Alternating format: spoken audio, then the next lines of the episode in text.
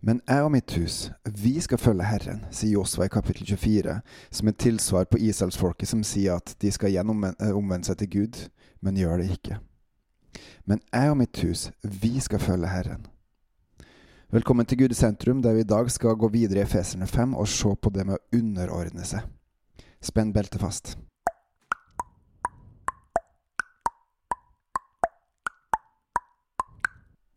Forrige gang vi leste, så sto det at vi som tror, vi skal ha Gud som forbilde. Og det sto også at vi skulle leve i å tjene i den kjærligheten som Jesus gjorde, og så sto det mange ting som vi skal gjøre, og ting vi skal holde oss vekk ifra. For å ha Gud som forbilde. Og til slutt så sa vi, prøv hva som er til glede for Herren. I dag skal vi ta siste halvdel av kapittel fem, et kapittel som kanskje ikke er så veldig populært for noe av dets, av dets innhold, men samtidig så er det Guds ord til oss vers 11. Ta ikke del i mørkets gjerninger, for de er uten frukt, i rettesett heller. Det som slike folk driver med i det skjulte, er det en skam bare å nevne. Så her fortsetter Paulus å si at slike ting det skal vi holde oss vekke fra, og de som holder på med det, vi skal ikke ta en del i det hele tatt. Men alt kommer for dagen når det blir avslørt av lyset, og alt som kommer for dagen, er lys. Derfor heter det, Våkn opp, du som sover. Stå opp fra de døde, og Kristus skal lyse for deg. Så hvis du er i dette mørket, enten du veit det eller du ikke veit det, men egentlig kanskje veit det likevel, våkn opp, og Jesus skal lyse for deg. Gå til Han, så finner du lyset. Jesus er lyset. Hvis det er en eller flere punkter du sliter med i livet, gå til Jesus. Be om hjelp før det er for seint. Han vil hjelpe deg, han vil være deg, han vil hjelpe deg gjennom det. Med sin ånd, og kanskje også sende noen mennesker. Tipse om noen mennesker som du bør oppsøke. For det er mye enklere å gjøre det sammen med han, sammen med andre, enn å stå helt alene. Gå til Jesus og få lyset. Pass derfor nøye på hvordan dere lever, ikke som tåpelige mennesker, men som kloke, så dere kjøper den rette tid, for, for dagene er onde. Vær smart, gå til Han med en gang. Vær ikke uforstandige, men forstå hva som er Herrens vilje. Vi skal jo prøve hva som er til glede for Herren. Da må vi forstå hva Hans vilje er. Og hvordan kan vi forstå det? Jo, vi må lytte til Guds ord, vi må lytte til hva Bibelen sier til oss, og hva Den hellige ånd sier til oss. Drikk dere ikke fulle på vin, det fører til utskeielser. Både jeg og du veit hva som gjør til at vi kan skli ut. Jeg tror ikke det bare handler om vin, det handler rett og slett om å miste kontrollen. Det er visse ting i våre liv som vi sliter ekstra med, som er vanskelig å legge av, som er egen nytelse eller bekymringer eller bedrag av ulike typer det her skal vi legge av, fordi vi veit, og vi undersøker, og vi veit hva som er Guds vilje. Hva som er til hans behag. Hva som gleder han. Og det å motstå disse fristelsene, det er sjukt vanskelig. Men i Jesus så er det mulig. Og gjerne også sammen med en venn, en venn som tror. Men istedenfor å drikke seg full på vin, bli fylt av Ånden. Så her tror jeg det også kanskje er et ordspill, jeg vet ikke om det funker like bra på gresk, men på norsk så kommer det i hvert fall sånn fram. Istedenfor å bli full på vin, så skal du bli fylt av Den hellige ånd. Be Jesus, be Gud om å sende deg sin ånd. Be ånden om å ta bolig i det og virke i det. Inviter han inn i ditt liv, inn i ditt hjerte.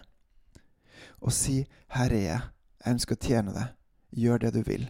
Jeg vil vokse med deg.' Inviter Gud i ditt hjerte, og bli fylt av Han og si framfor hverandre salmer, hymner og åndelige sanger. Syng og spill av hjertet for Herren.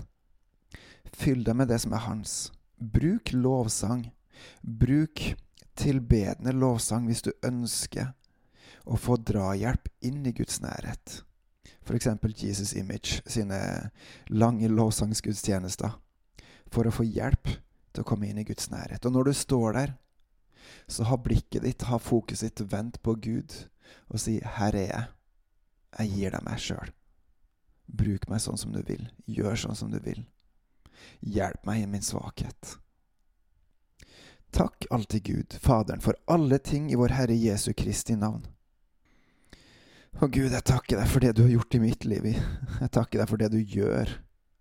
Gjør her i bergensområdet, gjør i verden. Takk for at det er så mange som tar imot det.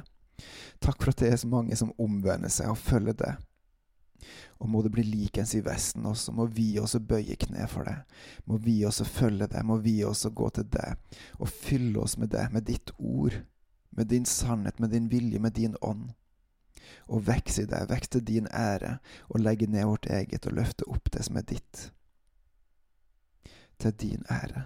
Amen. Og så kommer den biten som kanskje er mest utfordrende for mange av oss. Og samtidig som man kan tenke at det her skjønner jeg ikke, eller det her det liker jeg ikke, så må vi passe på å ikke si noe av Guds ord at nei, det der kan ikke være sant. Gud kan ikke være sånn. For alt som er av Gud, det er rent og hellig, og det er satt inn med en, en hensikt, et formål. Og da kan ikke vi synde ved å si at nei, det der gjelder ikke. Underordne dere under hverandre i ærefrykt for Kristus. Så vi som tror, vi skal underordne oss Kristus. Og hvem var vi skulle ha som forbilde? Gud. Gud er vårt forbilde. Og hva er forbildet? Jo, den kjærligheten som Jesus tjente med. Så oppi alt det som kommer nå, så er det vi skal underordne oss under hverandre i æresfrykt for Kristus.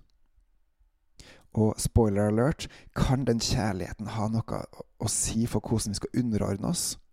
Altså ikke herske, men tjene i kjærlighet. De gifte kvinner skal underordne seg under mennene sine, som under Herren sjøl. For mannen er kvinnens hode, slik Kristus er kirkens hode. Han er frelse for sitt legeme. Så på toppen Kristus. Kristus er kirka sitt hode. Så Jesus Kristus, han er den som regjerer. Han er kongen. Han er Herren, rett og slett, for alle de troende. Og igjen, hvordan er det Kristus regjerer? Gjennom å tjene i kjærlighet. Jesus har sannheten, for han er sannheten. Så han regjerer ut ifra sannheten. Og det er ingenting som kan ta vekk en tøddel fra sannheten, verken i Gamle eller Nytestamenteloven. Sannheten er sannheten, og den regjerer Jesus med. Og samtidig, måten han regjerer i sannheten på, er gjennom å tjene i agape-kjærligheten. Det er et stort forbilde, det. Og hvem hadde ikke Jesus gikk rundt og tjente når han var på jorda i de 30-33 årene han var her? Det var jo selvfølgelig de svake, fattige, lamme, uføre, de urettferdige, de som trengte å bli frelst, de som trengte å bli helbreda, de som trengte å omvende seg og komme tilbake til Gud. Og hvorfor? Ikke for å dømme, men for å frelse, for å gi evig liv, det å kjenne Han. Det er hensikten. I dag så er det jo slik at vi i Norge har gitt noen en ekstra makt i landet vårt. Vi har bestemt at vi skal ha et eh, samfunnsstyre hvor folket bestemmer hvem som skal få lov til å styre. Og vi har en statsminister på topp som får lov til å bestemme ekstra sammen med regjeringa.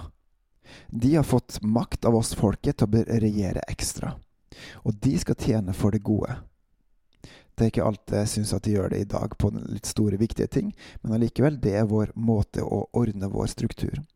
Og så har vi satt inn politi og domstol også, som en av de utøvende maktene, til å være med og kjempe for det gode og bære fram det gode. Vi underordner oss under den norske lov. Vi underordner oss under politikerne. Det er lov til med demonstrasjoner i vårt land, men vi underordner oss likevel. På jobben min har jeg en sjef som jeg underordner meg for. Og det finnes også ganske mange andre områder, f.eks. i trafikken. Jeg velger å kjøre på høyre side fordi at det er blitt bestemt. Så vi er vant med å underordne oss. Og jeg tror at det ligger mye godt i en underordning, fordi det forteller at noen har kontrollen, makta, til å si at sånn er det, og så skal vi andre følge etter. Og det å bestemme at vi her i Norge skal kjøre på høyre side, er ikke for å herske, det er ikke for å undertrykke, det er ikke for å tråkke andre ned, men det er for å ha en orden som bare sier at dette er måten vi gjør det på her, og det er det som er til det beste for oss. Det her tror jeg er en kopi av hva Gud gjør, de ordnene som Gud har satt inn, på ulike nivåer. Og sånn ønsker Gud at det også skal være i familien. Ikke fordi at folk er mer eller mindre viktig, men fordi at Gud har valgt å gjøre det på denne måten. Og kanskje gir det litt mer mening når man da snakker om at kvinnene skal underordne seg sine menn. For jeg tror at Gud har lagt ned noen ordener i vår verden som gjelder, som er generelle. Typisk så er det menn som er mest prinsippfaste, og som velger å stå fast uansett hvor mye det stormer. Og typisk for mange kvinner så er det naturlig å bære fram barn og være et omsorgsmenneske. Og være ekstra god på det. Vi har mange likheter, vi menn og kvinner, men Gud har også lagt ned noen forskjeller i oss, som generelle forskjeller om at menn er mye mer av den typen, og kvinner er mer av den typen. Det her finnes det noen som kan mye bedre, og klarer å legge fram mye bedre enn meg. Men jeg tror Gud har lagt ned ulike funksjoner, ikke verdi, men funksjoner mellom de to kjønnene vi har. Og derav så sier Gud at dere kvinner skal underordne dere under mennene deres, som under Herren sjøl. For mannen er kvinnens hode, slik Kristus er kirkens hode. Han er frelse for sitt legeme. Og like som kirka underordner seg under Kristus, kan kvinner kvinne underordne seg under sin mann i alt. Dere menn skal elske hustruene deres, slik Kristus elska kirka og ga seg sjøl for den for å hellige den og rense den med badet i vann av kraft av et ord. Og her er et annet viktig poeng. Når man hører at kvinner skal underordne seg sine menn, så tenker en del folk at mennene eh, skal bare herske og regjere over konene sine på hvilken som helst måte. Men nei, det er ikke det det står. Det står at mennene skal elske sine kvinner slik som Kristus elska kirka og ga seg sjøl for den. Og Jesus han ga sitt eget liv for kirka. Så mannen skal være villig til å gi sitt eget liv for kona si, for familien sin. Det er ikke å herske. Det er å tjene i agapekjærlighet. Og så blir det også et veldig stort spørsmål på hvilke områder, på hvilke måter, skal mannen være hodet i familien. Og her kommer Josva snart inn i bildet. Slik ville han stille den fram, altså sånn ville Jesus stille fram kirka, framfor seg i herlighet, uten flekk eller rynke eller noe slikt. Hellig og uten feil skulle den være. Så Jesus tjente kirka med agapekjærlighet for at den skulle være hellig og ulastelig. På samme måte skal altså mennene elske sine hustruer som sitt eget legeme. Så vi også skal elske konene våre på den samme måten for at de skal stå hellige og ulastelige og reine for Herren. Den som elsker sin hustru, elsker seg sjøl. Ingen har noen gang hata sin egen kropp. Tvert om gir en den næring og pleier den på samme måte som Kristus gjør med kirka. For vi er lemma på hans legeme. Derfor skal mannen forlate sin far og sin mor og holde seg til sin hustru, og de to skal være ett. Så her er det en enhet, her er det et fellesskap hvor de skal være ett.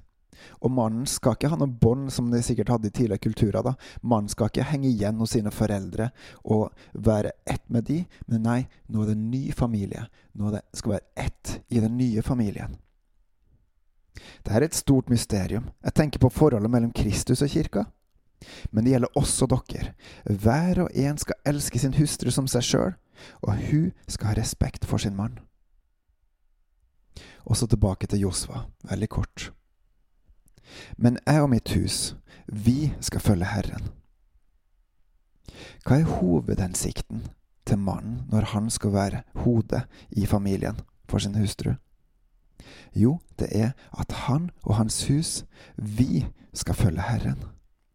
Der ligger hovedoppgaven til mannen, som Gud har planta ned i mannen for at vi skal være reine og stå uten last framfor Herren. Han og hans hustru og unger.